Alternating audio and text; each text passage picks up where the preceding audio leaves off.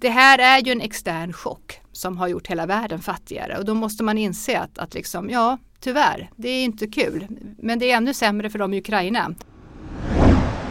Du lyssnar på Samhällsvetarpodden med mig Ursula Berge. Idag ska vi prata om lönerna och inflationen. You all come to us young people for hope. How dare you? How dare you? Arbetsförmedlingens skyltar ska upp på fler ställen. Tittar man på de samarbeten som finns i kommuner och regioner, tittar man på hur andra länder styr så är man ju vuxna nog att kunna ha samarbeten mellan partier. Kjell Jansson menar att finanskrisen knappast märktes i Sverige. Kjell Jansson måste ha levt i en annan verklighet än vanligt folk. Det är alltså inte polisen som är problemet, utan politiken. Hej och välkomna till Samhällsvetarpodden som leds av mig Ursula Berge, samhällspolitisk chef på Akademikerförbundet SSR. Vår gäst idag är Irene Wennemo som är generaldirektör på Medlingsinstitutet. Välkommen Irene! Tack så mycket, jättekul att vara här. Igen! Ja! Du, du, du är en av de här populäraste gästerna som vi har. Vi får se om det håller i sig efter det här. alltså, vi har en inflation som är historiskt hög i både Sverige och i omvärlden. Och, och, nu precis idag kom det rapport om att det i augusti var på 10 procent. Och du, du är ansvarig för Medlingsinstitutet som har mycket med eh, lönebildningen och ansvarsfull lönebildning. Men hur tänker du bara när du ser de här inflationssiffrorna? Ja, men alltså det är ju fascinerande. Vi har ju liksom inte upplevt det här på så, så länge. Jag menar, när jag var barn var det inflation på riktigt och i unga år. Eh, och sen tog inflationen slut och så har vi haft en lång period med väldigt låg inflation. Och det är inte bara ett svenskt fenomen utan den har ju varit låg i, i alla våra viktiga konkurrentländer. Och nu plötsligt är den tillbaka. Och man kan ju verkligen fundera på liksom, vems fel är det och varför och så vidare. Men det har ju verkligen väldigt mycket att göra med de här liksom, kris och krig. Först hade vi en pandemi som ju verkligen var att vi liksom tappade i produktion i en massa länder och vi ökade liksom, vi kunde inte köpa tjänster, vi köpte varor istället som skulle produceras och ta sig över hela jorden och liksom lite kaos i hela logistiken. Och sen är vi, vi håller ju på att, att liksom försöka ändå fasa ut fossila bränslen och stänga kärnkraft. Det, jag menar, det gör man i, det är inte bara i Sverige som har stängt reaktorer utan det har man gjort i, i Tyskland också. Och samtidigt och är mer beroende av, av liksom väderberoende el, alltså blåser det inte eh, då har vi, får vi ett högre elpris. Och sen på de kriserna så kom kriget i Ukraina som ju är ett, alltså Ukraina är ett stort land och liksom skjuter man sönder en stor stålfabrik i Ukraina, vilket man har gjort, så påverkas faktiskt stålpriset. Kan de inte så och skörda vete på de ukrainska åkrarna, det gör de ju i viss utsträckning ändå med risk för eget liv, så påverkas vetepriset. Det här är ju, det är liksom i den reala ekonomin saken händer och detta blir pris och inflation för vår del. Alltså vi har blivit fattigare i hela världen och uttrycket för det är ökade priser. Och det är lite intressant, eh, vi som tänker att, att med kriget i Ukraina är ändå begränsat till Ukraina men mm. att det ändå ger sådana eh, konvulsioner i hela ekonomin. Ja precis, jag besökte Tyskland i våras och de var ju liksom ännu mer upptagna än oss av det här. Dels har de ju gasen och gasen är de ju sjukt beroende av. Och sen är det också så att de liksom, ja, när man, när man, det är så roligt när man är i, i Tyskland för de, är liksom, de har så koll på fordonsindustrin, även de mest nördiga akademiker. De vet liksom, ja det är kablarna till, till de här frontpanelerna, de tillverkas i Ukraina och vi kan inte få ut dem längre. Mercedes har enorma problem. Och i Stockholm är det väldigt få som känner till liksom, eh, hur eh, Scania och eh, Volvo har deras problem i sin produktion. Så att, men det har de koll på i Tyskland. Nej, men så att de, det, det, är på riktigt, den här liksom krisen sprider sig till olika länder och på många sätt har vi ju klarat oss ganska bra i Sverige från de här mest direkta effekterna av kriget. Men de indirekta är ju den här snabbt ökande inflationen. Det säger ju lite om hur exportberoende och internationaliserat Sverige som ekonomi är. Ja, verkligen. Ja, inflationen var 10% nu i augusti, den var 8% i juli. Ja, hur länge håller det här i sig? Det är svårt att säga. Så att man kan väl säga att det som, så där, skälet till den här inflationen det är ju framförallt liksom, det är ju, energipriserna driver det här väldigt högt att elen har blivit dyrare. Eh, gasen. Och man kan väl säga att men, men, för att det verkligen ska bli inflation då handlar det om att pri, lönerna också måste börja stiga. Eh, och det kan man ju se i, i, liksom, i USA till exempel. Där stiger nu också löner. Och då kan man verkligen hamna i den här liksom spiralen att, att ja då stiger lönerna och bottnar inte det att produktiviteten ökar då blir ju det man säljer med den här arbetskraften ännu dyrare. Så då ökar priserna igen och så försöker man kompensera det med höjda löner. Så USA har ju hamnat i en sån här stigande löne och prisspiral. I Europa går det här mycket långsammare. Vi har ju liksom en mycket mer reglerad arbetsmarknad. Så att det är inte liksom lönen sätts inte typ varje dag mellan arbetsgivare och anställd utan här har vi liksom avtal som löper och som vi följer. Och så man kan säga att i Sverige ser man ju inte att lönerna har börjat stiga utan den här chocken har ju liksom lett till sänkta reallöner men inte ännu till att, att vi har liksom dragit igång den här spiralen uppåt. Och man kan väl se att, att då liksom responsen är lite olika i olika europeiska länder. Där vi i Sverige är väl den liksom nästan har den långsammaste, ja det finns andra också. Vi har inte alls börjat stiga, liksom, lönerna stiger väldigt lite fortfarande. Och det var ju lite grann för att vi hade avtal som först löper ut nästa år. Så det är liksom, vi har inte haft några stora avtalsförhandlingar ännu. Och det där gör ju ändå det finns en stor fördel med det här. Vi har ett ganska centraliserat system. Industrin sätter märke. Man hinner och vi hade, hamnade inte i det här väldigt snabbt utan vi har liksom haft tid att tänka efter. Vad är den bästa responsen långsiktigt på den här reaktionen? Vi ska ju då på Medlingsinstitutet, vi ska ju verka för en väl fungerande lönebildning. Men våra verktyg för att verka är ju ganska små utan det här är ju framförallt ett ansvar för arbetsmarknadens parter. Eh, men jag måste säga att jag tycker liksom att om man lyssnar, och det är framförallt det, liksom, det, det, här är ingen, det, är inte, det här är ingen jättestor utmaning eh, hur lönerna ska utvecklas för arbetsgivarsidan. De kan ju mest hålla fast vid den position de alltid haft. Det är för facken som det här är mycket svårare. För den naturliga responsen på en sån här situation, det är ju så här, vi vill ha kompensation det är så man tänker. Vi vill inte ha reallönesänkningar trots att den här chocken kommer utifrån eller på grund av att den kommer utifrån. Men man har varit liksom försiktig och man har verkligen försökt tänka efter. Vad är bra, inte just bara här och nu för mina medlemmar utan vad är bra på sikt för den här modellen. Så att jag tycker ändå att man har, har reagerat liksom, ja, men faktiskt extremt ansvarsfullt på en liksom svår kris från den fackliga sidan. Innan vi går in på, på avtalsrörelsen som stundar så tänkte jag hur har eh, inflation historiskt avslutats eller dämpats? Har man, hur har man lyckats med det historiskt efter sådana här krig? Förutom att vi hoppas på att kriget ja, i Ukraina tar slut snarast. Ja. Hur slutar höginflationsperioder? Ja, men det, det, är inte, det är inte så roligt. Det brukar vara ganska besvärligt faktiskt. Alltså senaste så här kraftiga perioden med, med eh, inflation var ju på 70-talet. Eh, och då var det ganska likadan utveckling fast då var det oljan som var i centrum, inte elen utan det var liksom oljeprischocken som kom. 73 och 79 så höjdes oljepriserna extremt mycket och snabbt. Och alla ekonomier var helt oljeberoende vid den här tiden. Eller liksom. Så att, och då kan man säga att, att det var lite olika respons. Eh, för att all, i alla länder så, så drogs det igång en spiral av höjda priser som höjde lönerna som i sin tur höjde priserna. Och sen var väl Tyskland var ju väldigt snabb med att bromsa det här och de höjde då räntan. Nu är det ganska självklart att, att riksbanker centralbanker höjer räntan men det var inte alls självklart på 70-talet. Man tyckte det var en helt orimlig tanke i Sverige. Inte ska man dämpa efterfrågan i en sån här kris. Men det gjorde man i Tyskland. Då fick man hög arbetslöshet som bet sig fast under lång tid. Den var inte lätt att bli av med. I, i Storbritannien och eh, USA där ville man också få ner inflationen.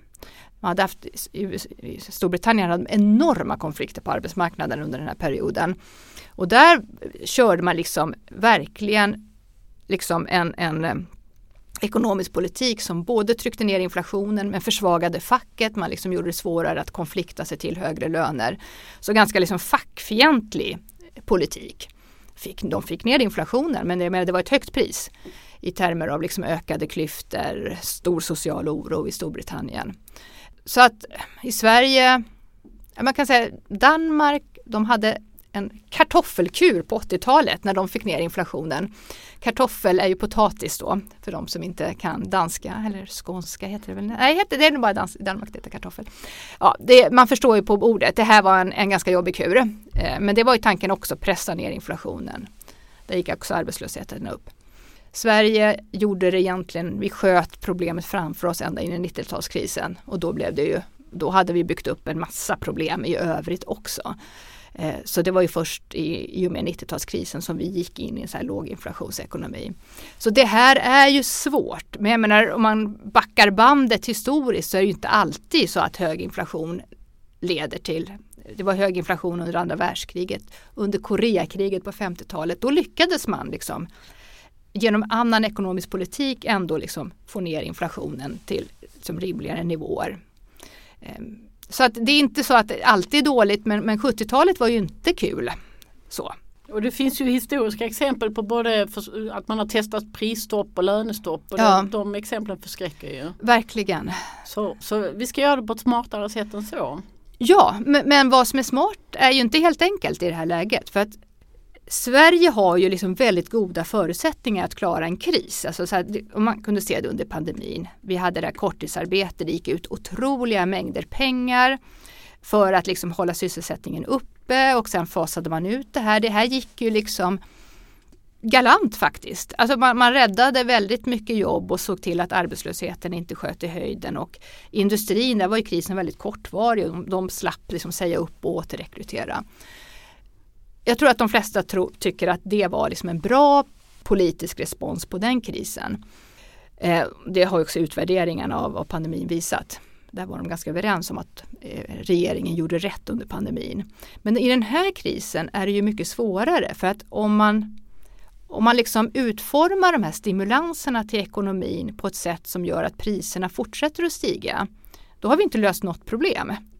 Eh, utan då, då måste ju Riksbanken höja räntan ännu mer och då är det som att slänga liksom pengarna i sjön från regeringens sida.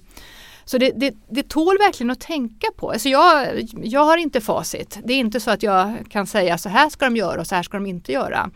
Utan det är mer utmanande men det är dess, ännu viktigare liksom, att, att försöka navigera rätt i det ganska svåra läget. Och det här sammanfaller också med att vi har haft en ganska omfattande valrörelse och allmänna val. Och ett sätt som, i och med att vi har, har ingen avtalsrörelse som avslutats just nu eller påbörjats just nu så så har, politiken har ju haft en överbudspolitik och, och vad det gäller vallöften som handlar om och, olika typer av pristak på elen och på bensinskatten och så vidare. Som ett, hur tänker du runt det? Att, att då har inte lönerna eh, varit ett sätt att kompensera med utan istället har man gjort det med Ja. politiska medel. Men alltså jag måste säga att eh, jag har lyssnat på både eh, Lars Calmfors och John Hasslers kritik av, av den politik som ju ändå, det har funnits en väldigt bred samsyn kring politiken på det här området. Och jag tycker det verkligen ligger något i det. För att liksom utformar man stöden så, så att det inte spelar någon roll hur mycket el vi konsumerar, då finns det en risk att vårt beteende leder till ännu höj, liksom, till att elpriserna fortsätter att stiga. Så att i en sån här situation gäller ju att utforma det man, alltså det, det, vi har ju ett utrymme att göra något. I den, alltså så här, den ekonomiska politiken i Sverige har kraftfulla muskler. Men det gäller ju att de utformas på ett sätt som leder till att inte liksom elpriset stiger. Vi måste, jag är ingen expert på det här, ehm, jag är bättre på lönebildning än på, på elpriser. Men vårt beteende och hur vi, liksom, hur vi konsumerar el har ju väldigt direkt effekt på priset. Så det är klart att alltså, kan man få styra människors beteende så att man konsumerar lite mindre, man konsumerar vid andra tidpunkter så kan ju det verkligen ha en positiv effekt på priset på el. Men, men liksom, ger man bara ett bidrag rakt av, det spelar ingen roll hur du konsumerar, då finns det ju liksom inga riktigt då är det väldigt lätt att falla in att man beter sig precis som förr. Och att vi då behöver konsumera av den här dyra, dyraste elen och priset då därmed stiger. Så att det här är verkligen en, en liksom, ja, men en, verkligen en grannlaga uppgift att, att göra det här på ett bra sätt. Och ditt expertområde lönebildning och vi, vi, vi har ju en sån här situation med hög inflation i en situation där vi inte har haft en stor avtalsrörelse nu men den kommer i Ja. höst. Är det här bra tajmat? Ja, nej men jag, ja, någon gång måste man ha avtalsrörelse. Även i, det finns en gräns för hur långa avtalsperioder vi kan ha. Det, är ju, det här kommer vara utmanande. Det här är ju lite svårt på riktigt. Men jag tycker att, att liksom, arbetsmarknadens parter har verkligen liksom de har tagit det på stort allvar. De försöker verkligen liksom tänka långsiktigt. Vad är bra, inte bara här och nu i stunden, utan vad är bra för den här modellen på lite sikt. Det är också så att, att de flesta på svensk arbetsmarknad har inte varit med om en inflation tidigare. Liksom så. Det är en, generationer här som har levt i en låginflationsekonomi. Och man behöver verkligen, liksom, ja men hur, hur ska vi liksom respondera på det här? Det är ju verkligen en, en fråga som alla ställer sig och man behöver liksom ha ett genomtänkt svar på vad är en långsiktigt rimlig strategi. Sen har vi ju en, en vi har ju en, en, tycker jag, en fungerande modell för lönebildning. Vi har industriavtalet som sätter ett märke och det blir normerande. Och just att vi har ett märke som är normerande, det gör ju att alla vet lite grann vad är tillräckligt.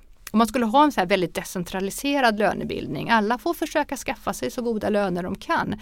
Då vill ju liksom ingen vill ju vara förlorare. Utan alla försöker förhålla sig till vad man tror är rätt nivå och lika mycket. Alltså så här, alla vill liksom försöker komma över medlet varpå medlet bara stiger. Och då får vi också en impuls på att ännu högre eh, inflationstakt framöver.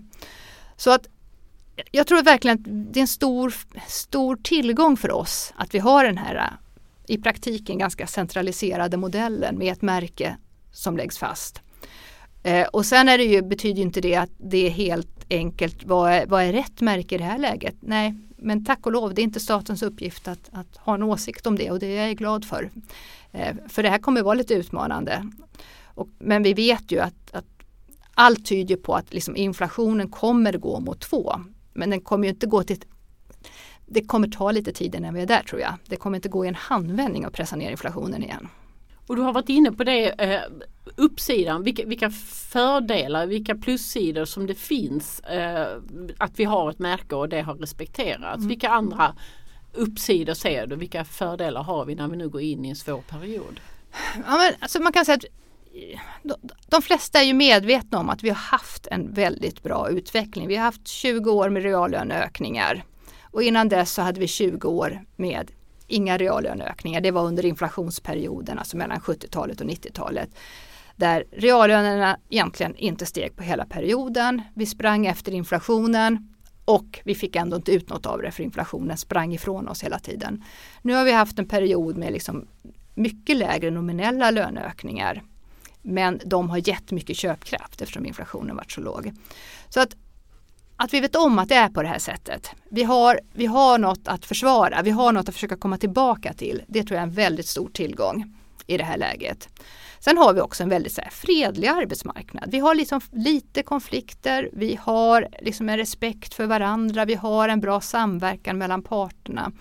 De här trygghet och omställningsavtalen som har, har slutits det stora mellan Svenskt Näringsliv, PTK och LO men det är ju också en massa avtal på, mellan, på, inom offentlig sektor på samma område.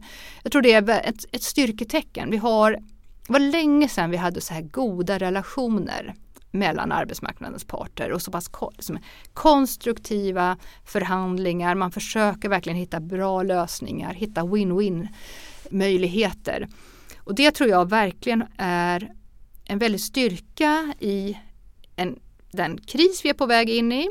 För det här är ju framförallt en energikris men, jag menar, den, men också en inflationskris. Men det är också med tanke på att vi faktiskt vi har haft, en, vi har haft tre mandatperioder faktiskt med minoritetsregeringar som inte har kunnat skapa en majoritet i riksdagen. Vi kommer antagligen, nu vet vi inte valresultatet än, men det är ju liksom det är ingen stark Eh, majoritet den den regering som eh, sitter och förhandlar, försöker förhandla ihop sig nu har.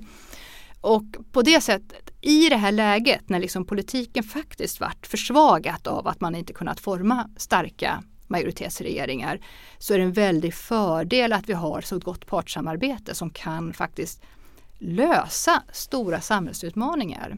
Och jag tror att det är verkligen något att bygga vidare på i den här situationen, att försöka också ja, men liksom, eh, nu har vi löst vissa saker. Jag tror det finns andra utmaningar framför oss där man också skulle kunna bli överens och hitta lösningar som är eh, funkis för båda parter. Och att det är ju otroligt viktigt tror jag ändå för en, den, vilken regering som den än blir, hur den nu kommer se ut, att liksom bygga vidare på det här partssamarbetet.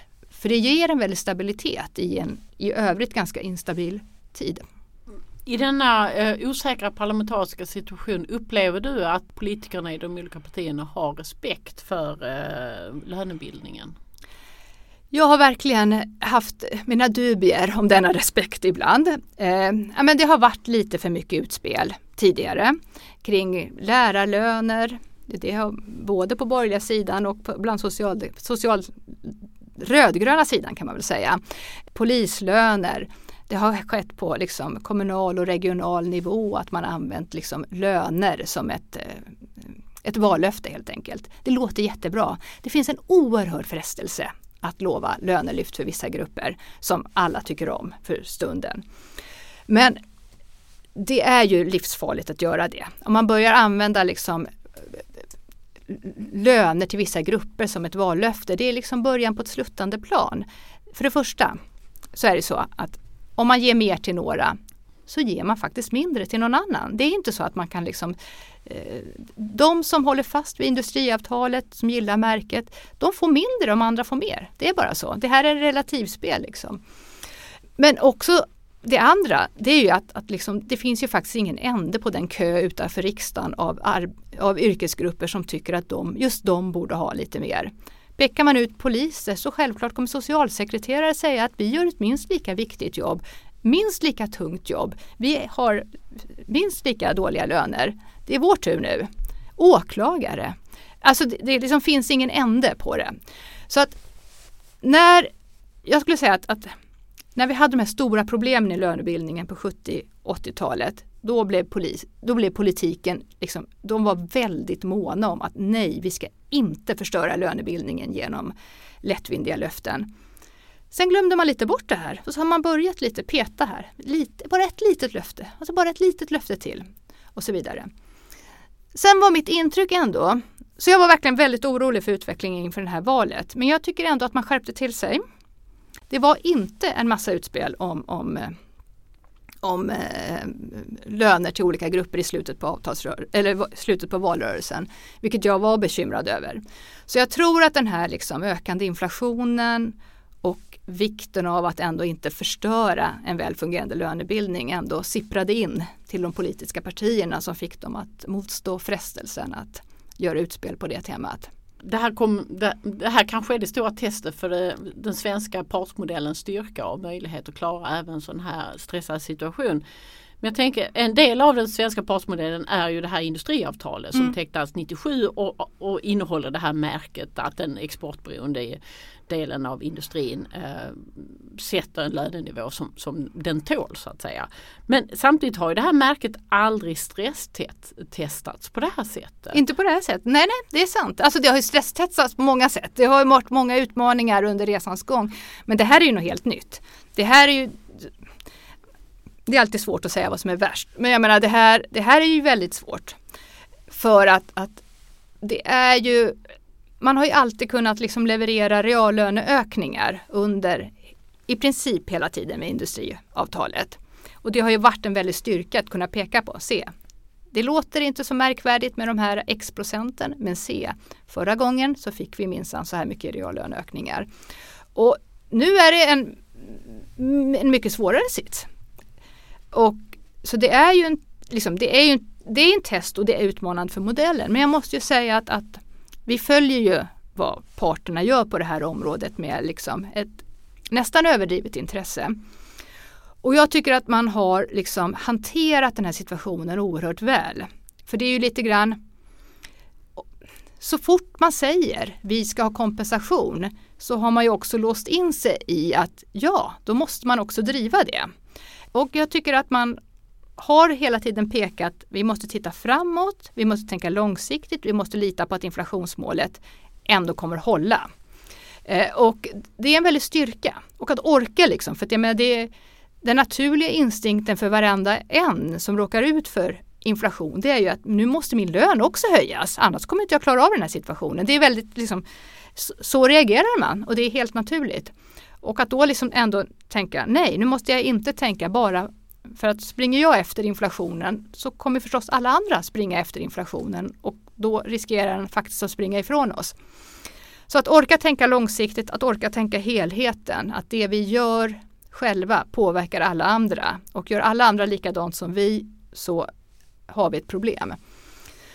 Så att ja, men det, hittills skulle jag säga att, att har, har, har reaktionen på den här situationen verkligen liksom visat vad duktiga svenska parter är på att hantera lönebildningen själva.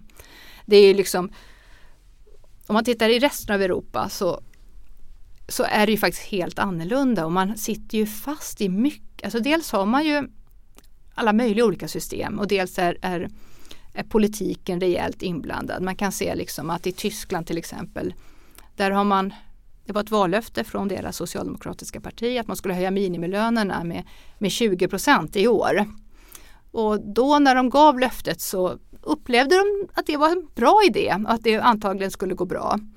Men det är klart att nu att, att ge 20 procent till, det är 2-3 miljoner på deras arbetsmarknad och tro att andra inte ska tycka att om de får så borde väl vi också få. Om de får kompensation för inflationen, varför ska jag inte få det?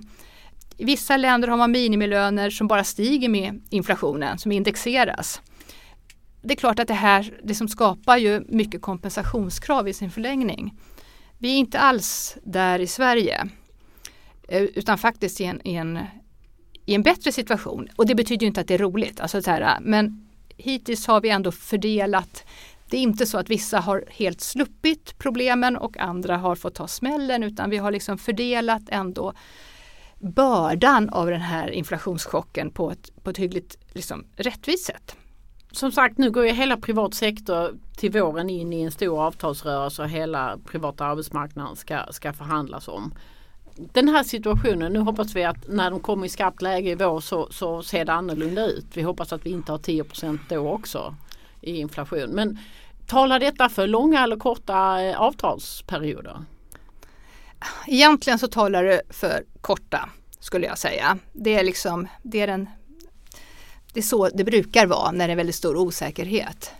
Å andra sidan kan det vara så att långa har ju också vissa fördelar. Om vi tror att inflationen är på väg ner så kan ju det också ge ett ja, det, det, kan, då skulle man kunna våga sig på ett längre. Det är omöjligt att säga. Det är verkligen en partsfråga. Jag, jag skulle inte det är inte, allt talar inte för korta tycker jag. Nej, det, det är ungefär som när man ska fundera på om man ska binda räntan eller inte på ja. sina bostadslån. Det ja. oklart. Men du var inne på det här med omvärlden och vi är ett så otroligt omvärldsberoende land. Och hur ser löneutvecklingen ut i andra länder som också har hög inflation nu? Du nämnde Tyskland. Ja, alltså det, det, har väl, alltså det, är, det är lite olika. Vi försöker följa det där ganska noggrant för inflationen har ändå slagit vi har inte alls den högsta inflationen utan vi ligger säkert vi ligger på den nedre halvan vad gäller inflationen. Andra länder har drabbats ännu hårdare. Eh, och man kan väl säga att USA var ju snabba med att lönerna också började stiga men de har ju också väldigt, eh, alltså det är väldigt lite reglerad arbetsmarknad. Så lönerna blir lite som de blir. Storbritannien verkar lönerna ha stickit iväg. De har liksom redan fått mycket strejker. Alltså det är konflikter, rejäla krav på löneökningar. Eh, vissa har indexerade löner som bara följer med vilket ju är som ett, då får man ju som ett brev på postet att, att, att andra försöker liksom kompensera sig. Så att ja, det ser helt enkelt, jag skulle säga att de, i många länder börjar man se liksom en effekt att lönerna också börjar stiga. Om de har stigit på för mycket eller ja, det, är liksom, det kan man inte riktigt avgöra ännu. Utan vi ligger, vi ligger ju liksom ändå, har en lite lugnare utveckling på inflationen, en mycket lugnare utveckling vad gäller lönerna hittills. Och det gör möjligtvis att vi har en bättre läge framöver. Men jag tänkte jag om man kopplar detta till arbetsmarknadsläget. Vi har en arbetslöshet på 6,7 procent tror jag och det är mycket långtidsarbetslöshet. Hur, hur, ska man förstå? Samtidigt har vi ett jättestort matchningsproblem. Vi har jättestor brist på vissa yrkesgrupper, inte minst inom IT och, och inom ja. vård och omsorg och så vidare. Hur kommer detta och hur hänger arbetsmarknadsläget, inflationen och lönebildningen ihop här? Ja, men det är väl det som, det är också med och bidrar till liksom att inflationen är hög, att vi har liksom, det, det är ett rejält tryck på arbetsmarknaden och det är klart att det här faktum att vi har så här, alltså att energipriserna stiger kraftigt och att vi har räntehöjningar, det gör ju att det har då en, liksom en åtstramande effekt. När vi måste betala mer av vår lön till elräkning och till räntor på vårt boende, då har vi mindre kvar att köpa annat för. Så att det här, vi kommer få liksom det kommer, vår ekonomi kommer att sakta in och frågan är, hur, det vet vi inte riktigt hur, hur snabbt det går. Hittills har den här responsen varit lite långsam. Folk har ju sparat pengar under pandemin och inte gjort av med något och då är man faktiskt sugen på att ändå gå på restaurang eh, fast det har blivit dyrare och så vidare. Så att, men det här kommer ju så att antagligen så kommer liksom trycket på arbetsmarknaden, eh, suget efter arbetskraft minska rejält de kommande månaderna. Eh, men, men eh, det är, samtidigt så har vi väldigt så här, det är, vi har en uppdelad arbetsmarknad. Det finns ju liksom samtidigt vissa sektorer där, där behoven är väldigt stora och de kommer fortsätta vara stora. Man behöver anställa och det finns inte så många med rätt utbildning. Så att det, det kan ju bli liksom ganska uppdelat också. Det är svårt att säga. Jag tycker att det verkligen det mesta pekar på ändå att liksom vi, vi går in i en, i en, svagare konjunktur. Men vi, har gått, vi går ju från ett väldigt högt läge. Det har ju varit ett enormt skjuts liksom i ekonomin fram till nu. Men kommer till exempel om, om alla ska tänka återhållsamhet och så vidare. Det där enskilda IT-bolaget i Stockholms innerstad som skriker efter IT-arkitekter och så vidare. Ja. Kommer de att kunna ta med, vara med och ta ansvar? Och det vet vi inte. Nej men det är väl liksom Vi har ju tittat på och försöker följa liksom då inte bara vad, vad de avtalade lönerna, hur de utvecklas utan hur, hur utvecklas de faktiska lönerna. För att se, har vi en löneglidning, börjar liksom lönerna dra iväg? Och just IT är ju enda stället där vi ser att där har man en snabbare löneutveckling just nu redan. Och, men det är klart att det är också väldigt stor brist och det Ja, eh, hittills, ja, det är svårt att veta liksom hur konjunkturen utvecklar sig i den där branschen men det finns ju liksom eh, ett uppdämt behov. Och, men det är klart att ja, men det, det är lite svårt att säga. Jag kan verkligen inte rätt person att sia om det här. Men, eh, Nej. Och det är ju du har beskrivit i ett annat sammanhang att det bygger också på centrala förhandlingar där LO, PTK och Svenskt Näringsliv kommer överens och sen ska de enskilda förbunden acceptera det. Och sen ska de enskilda företagen och de enskilda ja. liksom, medlemmarna också ac acceptera det. Och att den där kedjan kanske funkar när man ändå har reallöneutveckling och stabil in låg inflation. Men Kommer det att funka den förankringen? Nej men och jag menar, det beror ju väldigt mycket på liksom hur ekonomin utvecklar sig och det är klart att är det väldigt stor brist på någon kategori av anställda men vi, vi sätter ju inte tak för ingångslöner utan liksom vill man, måste man rekrytera över någon, som har någon väldigt viktig kompetens då kommer man ju se till att den får en högre ingångslön. Ja, det finns små segment av arbetsmarknaden där man inte kan göra så. Men nästan överallt så kan man göra det. Så att, och det finns ju en del där vi liksom, men, och det är inte bara IT-ingenjörer. Liksom nu håller, jag tror att väldigt många är stressade över elpriserna. Folk kommer installera luftvärmepumpar. De kommer vilja ha solpaneler på taket. Alltså så här, man är lite byta fönster om man har två glasfönster. Eh, och det är klart att de som jobbar med det där, det kommer vara rejält liksom, tryck i de sektorerna även om det blir liksom nedgång i övrigt. Så att eh, ja, vi har ju inte centralt reglerade löner utan vi har en marknad också och den måste vi ha annars får vi väl liksom ingen funkis eh, arbetsmarknad skulle jag säga. Medlingsinstitutets uppdrag är ju alltså man ska medla i arbetstvister och ni ska hålla på med lönestatistik. Men ni ska också göra en väl, skap, ge förutsättningar eller underlätta en väl fungerande mm. lönebildning. Och det låter ju som ett jättesvårt uppdrag just nu. Men om du tänker om vi står här om någon gång i slutet på nästa vår. Ja. Vad är en bra lösning? Vad är en väl fungerande lönebildning? När är du nöjd? Men jag, man kan väl säga så här att att sätta siffror har aldrig varit vår uppgift och det kommer vi inte göra framöver heller utan märket ska sättas av någon annan. Men vår roll har ju blivit att dels försöka se till att de som hamnar hos oss i medling, där är det märket som gäller. Och det är oberoende av om de har marknaden i ryggen eller om de har eh, fantastisk konfliktstyrka eller så. Utan liksom, vi medlar på märket. Så vi hjälper till att upprätthålla det här. Och jag tror att i sånt läge vi är inne i just nu, där alla är oroliga för situationen, där alla tänker att ja, men just jag eller just vi borde i alla fall ha kompensation för inflationen. Där är det ännu viktigare att man liksom försöker hålla i en slags styråra. Så där har vi en viktig roll. Men sen är det förstås att då också liksom se till att, att vi försöker få så lite konflikter på arbetsmarknaden som, som möjligt. Och vi har ju, ja, i år har vi haft två konflikter eh, mellan Svenska kyrkan och ett antal olika förbund och eh, mellan piloterna och SAS. Så visst kan det bli strejk även i Sverige. Men vi har ju varit väldigt duktiga på att, att liksom hålla eh, konflikterna på en låg nivå. Eh, och det tror jag är liksom också viktigt i det här läget. Och att man liksom att alla känner att, att liksom man behöver inte konflikta sig till att i alla fall få lika mycket som andra utan det är liksom vår modell ger ändå hyggliga löneökningar. Eller inte hyggliga, det vet man ju inte om de blir, men samma löneökningar i alla fall. Det är inte så att man behöver slå sig till att, att liksom följa genomsnittet på samma sätt som man måste göra i en del andra länder.